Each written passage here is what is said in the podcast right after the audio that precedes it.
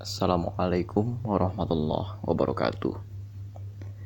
Sekarang kita masuk kepada episode Sirah Nabawiyah beberapa saat sebelum Rasulullah Shallallahu Alaihi Wasallam diutus menjadi nabi. Di usia kira-kira 25 tahun sampai dengan di usia kira-kira 35 atau 40 tahun, ada rentang kira-kira 15 tahun dari Rasulullah menikah dengan Khadijah sampai dengan diutus menjadi nabi apa yang terjadi di usia itu? Ternyata di usia itulah Rasulullah membangun portofolio sosialnya. Beberapa portofolio sosial itulah yang akan saya bahas di sini karena portofolio sosial Rasulullah itu berbeda dari saat dia sebelum menikah dengan dia setelah menikah. Setelah beliau menikah dengan Khadijah, portofolio sosial yang ada, derajat sosial yang ada, juga tugas sosial yang ada berbeda dengan seseorang yang belum menikah. Oleh sebab itu, seseorang itu baru bisa dikatakan dia adalah seorang pegiat atau dia jalan hidupnya adalah seorang pendakwah apabila setelah dia menikah dia tidak menghilang dari jalan dakwah. Ini yang kemudian menarik dari sisi perjalanan hidup Rasulullah. Salah satu hal yang paling menarik dari perjalanan Rasulullah adalah kisah Zaid bin Harithah, di mana beliau adalah satu-satunya orang yang kemudian beruntung diangkat menjadi anak angkat oleh Rasulullah Bagaimana kisahnya? Suatu hari di daerah Syam, itu tepatnya di daerah paling selatan dari daerah kekuasaan Romawi, tapi daerah Arabia paling utara, di daerah Daumatul Jandal, terjadi perang besar yang melibatkan kabilah yang bernama kabilah Kalb. Kalb dalam bahasa Arab ini berarti adalah seekor anjing. Jadi kabilah Kalb itu e, memang e, gelarnya itu gelar yang dikatakan sebagai gelar anjing gitu ya. Tapi anjing itu bukan dikatakan sebagai hewan yang hina, tapi dikatakan mungkin karena kekuatannya, kepatuhannya, dan kegesitannya.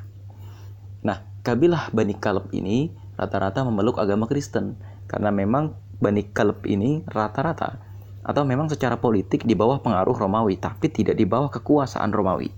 Ini harus dibedakan. Seperti kalau ada sebuah negara atau satu suku gitu ya di bawah kekuasaan satu apa bahasanya ya di bawah kekuasaan satu bangsa lain. Misalnya, suku Dayak ini lebih merasa lebih dekat kepada orang-orang Kristen. Yang seperti di Kalimantan Barat, mereka lebih merasa dekat kepada Gubernur Cornelis. Atau misalnya, suku Betawi, mereka merasa lebih dekat kepada orang-orang Islam meskipun kenyataannya ada Betawi yang beragama Kristen. Nah, kira-kira begitu uh, yang terjadi kepada Bani Kalb. Nah, suatu ketika terjadi peperangan besar di lingkungan Bani Kalb dan kemudian Bani Kalb ini beberapa anak-anak yang beruntung gitu ya bahasanya kalau Zaid itu beruntung uh, gampangnya beberapa anak-anak dan perempuan di sana ditawan dan dijual di pasar budak. Jadi pada zaman dahulu itu ada pasar budak semacam itu. Dan inilah yang kemudian dibenarkan oleh Allah pada surat Al-Ankabut ayat 67 bahwa manusia di luar suku Quraisy itu rampok merampok tapi orang Quraisy itu tidak saling merampok. Orang Quraisy itu kemudian tidak terzolimi gitu loh. Hanya suku-suku yang lainlah yang terlibat peperangan. Nah, dari Bani Kalb di Daumatul Jandal inilah Zaid bin Harithah kecil ini menjadi tawanan perang. Dia dijual di pasar-pasar budak. Pada saat itu ada pasar-pasar gitu ya. Yang pasar-pasar ini menjual manusia. Tentu saja karena Zaid bin Harithah ini tadinya bukan budak, ya tadinya dia berasal dari kaum yang terpelajar, maka Zaid ini satu dia bisa membaca dan menulis, dua dia tahu budaya orang Romawi itu bagaimana sehingga nanti kelak ketika dewasa Zaid ini dipilih oleh Rasulullah untuk berperang di daerah Mu'tah. Mu'tah ini memang satu daerah yang dekat sekali dengan daerah Daumatul Jandal yang budayanya masih mirip dengan suku asal Zaid bin Harithah. Zaid kemudian dijual di berbagai pasar ya, dioper-oper dan lain-lain dan kemudian dibeli oleh keponakan Khadijah ya. Eh, keponakan Khadijah ini bernama Hakim bin Hizam di mana Hizam ini adalah eh, saudara dari Khuwailid. Karena Khadijah binti Khuwailid. Jadi bapaknya Khadijah itu namanya Khuwailid gitu ya.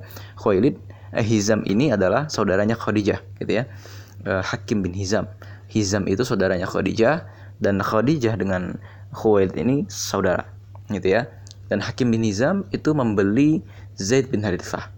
Saat itu ini masih jahiliyah gitu ya dan jangan dibayangkan Hakim bin Nizam itu orang yang menyembah Allah, tidak.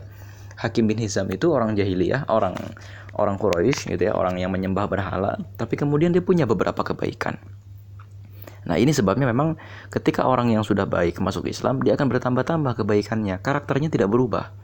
Hakim bin Hizam itu nanti ketika dia masuk Islam, dia akan menjadi orang yang setiap hari Jumat dia akan membebaskan seribu budak dengan kekayaannya. Nah, Zaid bin Haritsah ini, ini budak yang dibeli dengan harga yang sangat-sangat mahal karena memang Zaid itu bukan budak yang bodoh, dia itu bukan budak dalam artian babu, tapi Zaid itu budak yang punya kecerdasan. Dia bisa baca, bisa tulis gitu ya, dan budak ini budak yang hebat. Sehingga Hakim bin Hizam, qadarullah menghadiahkannya kepada Khadijah. Ini ada budak bagus gitu ya. Bagi Hakim bin Hizam, kenapa tidak dihadiahkan kepada Khadijah? Nah, dari sini kita mendapatkan satu kesimpulan bahwa pada saat itu keluarga Rasulullah barangkali sudah dikenal sebagai satu keluarga yang memang punya kualitas yang baik, punya kadar intelektualitas yang baik, sehingga kalau orang menghadiahkan budak kepada keluarga Nabi Muhammad, tentu saja akan menghadiahkan satu budak yang budak ini bisa digunakan untuk membantu keperluan niaga atau membantu keperluan administrasi yang diperlukan oleh keluarga Khadijah atau Nabi Muhammad. Maka Hakim bin Hizam ini kemudian memberikan budak ini kepada Khadijah. Budak ini pun menjadi milik Khadijah. Oleh Khadijah karena melihat budak ini sangat baik, sangat cerdas dan sangat sangat bisa gitu ya melakukan sesuatu, dihadiahkan kembali kepada suaminya yaitu Nabi Muhammad. Berbeda dengan kita hari ini, milik istri atau budak milik seorang istri berbeda dengan budak milik suami. Gitu ya, itu berbeda. Nah, Zaid bin Harithah ini kemudian diberikan kepada Nabi Muhammad. Lalu, bagaimana cara Nabi Muhammad memperlakukan Zaid bin Harithah? Nah, ini yang unik begini. E, ternyata ayah dari Zaid bin Harithah yaitu Harithah ini mencari-cari Zaid bin Harithah ke mana-mana sampai beliau itu membuat puisi yang puisi ini disiarkan ke seluruh Arabia. Puisi ini masih ada tercatat di kitab-kitab sirah sekarang, terutama kita hanya bisa melihatnya itu di kitab sirah Ibnu Hisham atau kita juga bisa melihatnya di kitab sirah As-Salabi. Ada puisinya gitu ya, tapi kita tidak usah membahas itu di sini. Tapi kemudian yang jelas dengan berbagai macam pertanyaan gitu ya, sampailah Hakim bin Hizam menemukan satu fakta bahwa budak tersebut gitu ya, anaknya tersebut sekarang ada di rumah Muhammad gitu ya Beliau ingin membeli kembali anaknya itu dengan harga berapapun, maka beliau menyiapkan sejumlah uang dan ingin membeli kembali Zaid. Uniknya di sini, ketika kemudian ayahnya Zaid bin Haritsah menemui Nabi Muhammad, Nabi Muhammad mempertahankan Zaid. Nah, kemudian terjadi perdebatan, gitu ya, dan perdebatan ini kemudian dikembalikan kepada Zaid bin Haritsah. Ini yang kemudian berbeda dengan perbudakan yang mungkin dipikirkan oleh orang-orang Barat. Perbudakan yang mungkin pada saat itu ada, yang dijalankan oleh Nabi Muhammad berbeda dengan yang dipikiran kebanyakan orang. Ya, sebab ternyata pada saat itu Zaid bin Haritsah memilih ada di bawah perlindungan Nabi Muhammad. Ketika Zaid bin Haritsah diberikan pilihan, "Wahai Zaid, kau ingin ikut ayahmu atau kau ingin ikut aku?" Ternyata Zaid memilih Nabi Muhammad. Nah, di sini istimewanya. Dan agar ayahnya Zaid tidak kecewa, maka Nabi Muhammad ini menggiring Zaid ke Ka'bah dan kemudian mengangkat tangannya dan memanggil segenap manusia. Ya ayuhan nas, gitu ya. Wahai segenap manusia, saksikan bahwa pada saat ini aku mengangkat Zaid menjadi anakku. Nah, di sini tentu saja ayahnya Zaid bin Harithah senang gitu ya dan ini terobosan karena tidak pernah gitu ya, langkah kasusnya e, e, seorang budak itu diangkat menjadi anak langkah kasusnya Nanti kasus semacam ini tampaknya gitu ya, ini menjadi terobosan besar di kota Madinah, apa di kota Mekah. Karena kemudian nanti ketika Rasulullah itu menjadi nabi, ada seorang sahabat nabi ini ngikutin. Abu Huzaifah ini mengangkat Salim ya budaknya menjadi seorang maula. Dan ini terkenal sekali. Dan ini menjadi revolusi karena pada saat itu tidak banyak orang yang beruntung seperti Zaid gitu ya. Di kota Mekah memang ada beberapa orang gitu yang memang dia ini bukan budak tapi termasuk keluarga yang melayani tuannya. Tapi dia bukan budak. Jatuhnya itu maula, dia sudah sejajar. Di antara keluarga maula itu keluarga Abdullah bin Jahsy yang nasibnya lebih beruntung. Uh, di antara keluarga maula yang lain adalah uh, uh, keluarganya Ammar bin Yasir. Ammar bin Yasir itu bukan budak keluarganya, tapi keluarganya sudah merdeka, hanya saja menjadi maula. Maula itu orang yang dilindungi setelah sebelumnya dibebaskan. Nah, sampai di sini gitu ya. Nanti kita akan lihat ternyata pola asuhnya Nabi Muhammad itu bukan pola asuh yang menyebabkan seseorang akan terbudak selamanya. Ya tapi pola asuh yang menyebabkan seseorang itu bahkan seorang budak. Tidak mau kembali ke rumah orang tuanya tapi kemudian merasa dimuliakan gitu ya. Dan kemudian ingin bersama-sama dengan Rasulullah. Dan ini kemudian membuktikan memang pada saat itu Rasulullah itu orang yang paling bangsawan karena apa? Dia kaya gitu kan. Dia anak pemimpin apa? Dia cucunya pemimpin Mekah, keponakannya pemimpin Mekah. Tapi kemudian portofolio sosialnya itu sangat luar biasa. Maka nanti gitu ya dalam surat Al dan surat Al-Qamar gitu ya Allah mengatakan wa innaka ala khuluqin azim. Ini tantangan buat orang-orang Quraisy. Ketika orang-orang Quraisy itu menolak dakwahnya Rasulullah, Allah menurunkan satu wahyu. Bukankah kau lihat Muhammad itu orang yang akhlaknya azim, agung bukan cuma akhlak yang uh, khair, bukan cuma akhlak yang hasan, tapi khulukin azim, akhlak yang agung gitu ya. Agung itu di mana orang-orang sudah lihat. Ini bukan bukan kemudian deklarasi bahwa akhlaknya Nabi Muhammad itu agung, bukan. Tapi ini adanya sebuah penegasan bahwa memang seorang juru dakwah itu bekal utamanya ini akhlak yang agung. Bagaimana cara dia memperlakukan pembantunya? Bagaimana cara dia memperlakukan satpamnya? Bagaimana cara dia memperlakukan kawan-kawannya? Bagaimana cara dia memperlakukan anggota keluarganya dan kemudian sampai-sampai suatu kota itu tahu bahwa Nabi Muhammad itu khulukin azim. Akhlaknya agung. Ini yang kemudian luput dari kita gitu ya.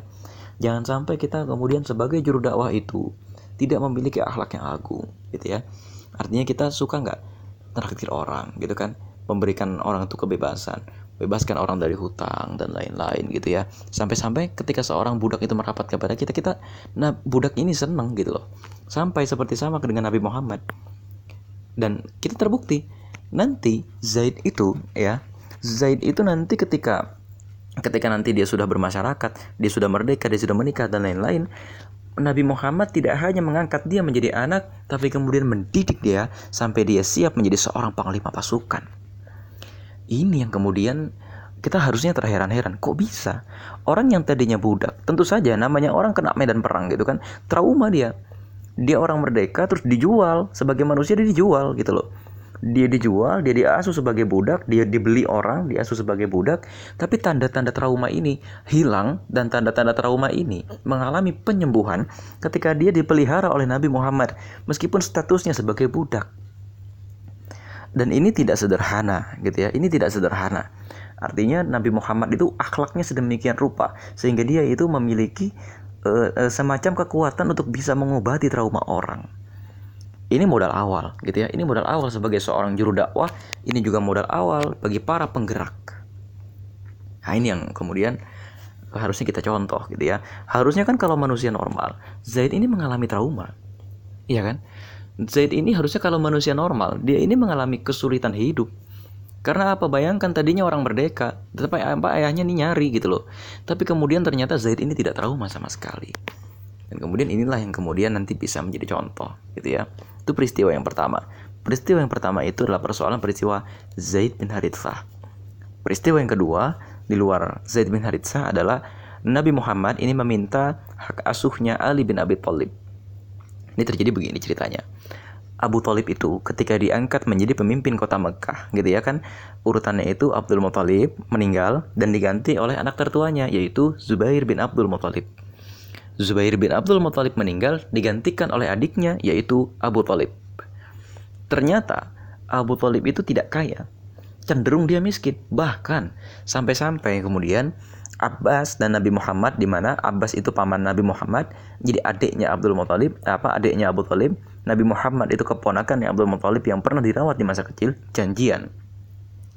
Bagaimana kalau kita kata Nabi Muhammad mengambil pengasuhan dua di antara anaknya? Ya Abbas ini mengambil pengasuhannya Ja'far Rasulullah ya ini mengambil pengasuhannya Ali bin Abi Thalib artinya membiayai dan mengasuh untuk meringankan beban pamannya, untuk juga membalas budi. Jadi ini bukti bahwa memang Nabi Muhammad itu di masa kecil gitu ya memang mengalami masa prihatin dan kemudian di masa besarnya ingin membalas budi pamannya sehingga dia mengasuh Ali bin Abi Thalib. Dan kita bisa lihat eh, apa sih yang terjadi pada Ali bin Abi Thalib pada saat itu? Kita lihat sekian tahun kemudian nanti, sebagaimana Zaid bin Harithah yang bisa dibesarkan menjadi panglima pasukan menghadapi tentara Romawi, Ali bin Abi Thalib itu nanti sampai-sampai gedenya itu jadi khalifah. Bahkan sebelum dia jadi khalifah, Ali bin Abi Thalib itu menaklukkan Khaybar. Khaybar itu kan pusat kedudukan kaum Yahudi yang Rasulullah itu bersabda, pagi ini pasukan yang akan menaklukkan Khaybar akan dipimpin oleh orang yang Allah cinta padanya dan dia pun cinta kepada Allah. Ternyata orangnya Ali bin Abi Thalib. Ini kan unik. Berarti bagaimana ya sebetulnya cara Rasulullah itu mendidik anak? Sebetulnya bagaimana ya cara Rasulullah itu membesarkan seseorang ini meskipun bukan anaknya sendiri. Gitu loh. Dan ini kemudian uh, dalam surat Ad-Duha ini kan dikatakan ya alam yajidka yatiman fa'awa. Bukankah kami telah menjadikan kamu yatim lalu kami mencukupkanmu, lalu kami memberikanmu perlindungan gitu loh. Wajadaka fahada. Bukankah kami telah mendapati engkau dalam keadaan sesat tanpa petunjuk, nggak ada wahyu. Orang nggak ada yang ngerti wahyu itu gimana. Orang nggak ada yang ngerti moral itu kayak apa. Tapi Allah menjaga Nabi Muhammad sehingga Nabi Muhammad bahkan sebelum diutus menjadi nabi mampu mendidik anak-anak asuhnya itu gitu ya. Ini menjadi orang-orang yang kelak akan menjadi panglima perang. Ini yang istimewa. Dan siapa sih yang ada di rumahnya Nabi Muhammad pada saat itu? Zainab, anaknya Nabi Muhammad sudah menikah. Gitu ya. Zainab, anaknya Nabi Muhammad sudah menikah. Dia tinggal uh, Zainab anaknya Nabi Muhammad ini uh, sudah menikah dan dia itu tinggal bersama suaminya. Suaminya itu orang kafir pada saat itu namanya Abal As. Yang kedua, anaknya Nabi Muhammad yang usianya tidak jauh, Ummu Kulthum dan Ruqayyah saat itu sudah dipinang oleh anaknya Abu Lahab. Ya, Utbah dan Utaibah. Ya, Utbah dan Utaibah anaknya Abu Lahab artinya sepupunya uh, Nabi Muhammad gitu ya. Sepupunya Nabi Muhammad ini menikah dengan anak-anaknya Nabi Muhammad itu tapi mereka belum sampai tinggal satu rumah gitu ya. Jadi mereka ini masih tinggal di rumah Nabi Muhammad dan masing-masing calon suaminya itu masih tinggal di rumah e, Abu Lahab. Nah ada dua orang lagi laki-laki yang tinggal di rumah Nabi Muhammad yaitu Ali dan Zaid bin Harithah tadi gitu ya dan dengan segala perniagaan Khadijah gitu ya dengan segala kesibukan Nabi Muhammad portofolio sosialnya dia sibuk beruzlah di Gua Hiro dan lain-lain. Dua anaknya itu kemudian tidak menjadi terlantar gitu loh. Kan banyak gitu ya. anak-anaknya Khadijah juga ada yang masih kecil gitu kan. Dan tentu saja Nabi Muhammad itu dikenal sebagai orang yang menyantuni anak-anak. Dan herannya adalah anak-anak itu menjadi anak-anak yang luar biasa. Nah ini yang kemudian seorang juru dakwah itu harus selesai dulu di keluarganya dia harus punya pengalaman kekeluargaan yang baik, dia harus punya portofolio sosial yang baik. Kira-kira itu kajian kita pada hari ini. Assalamualaikum warahmatullahi wabarakatuh.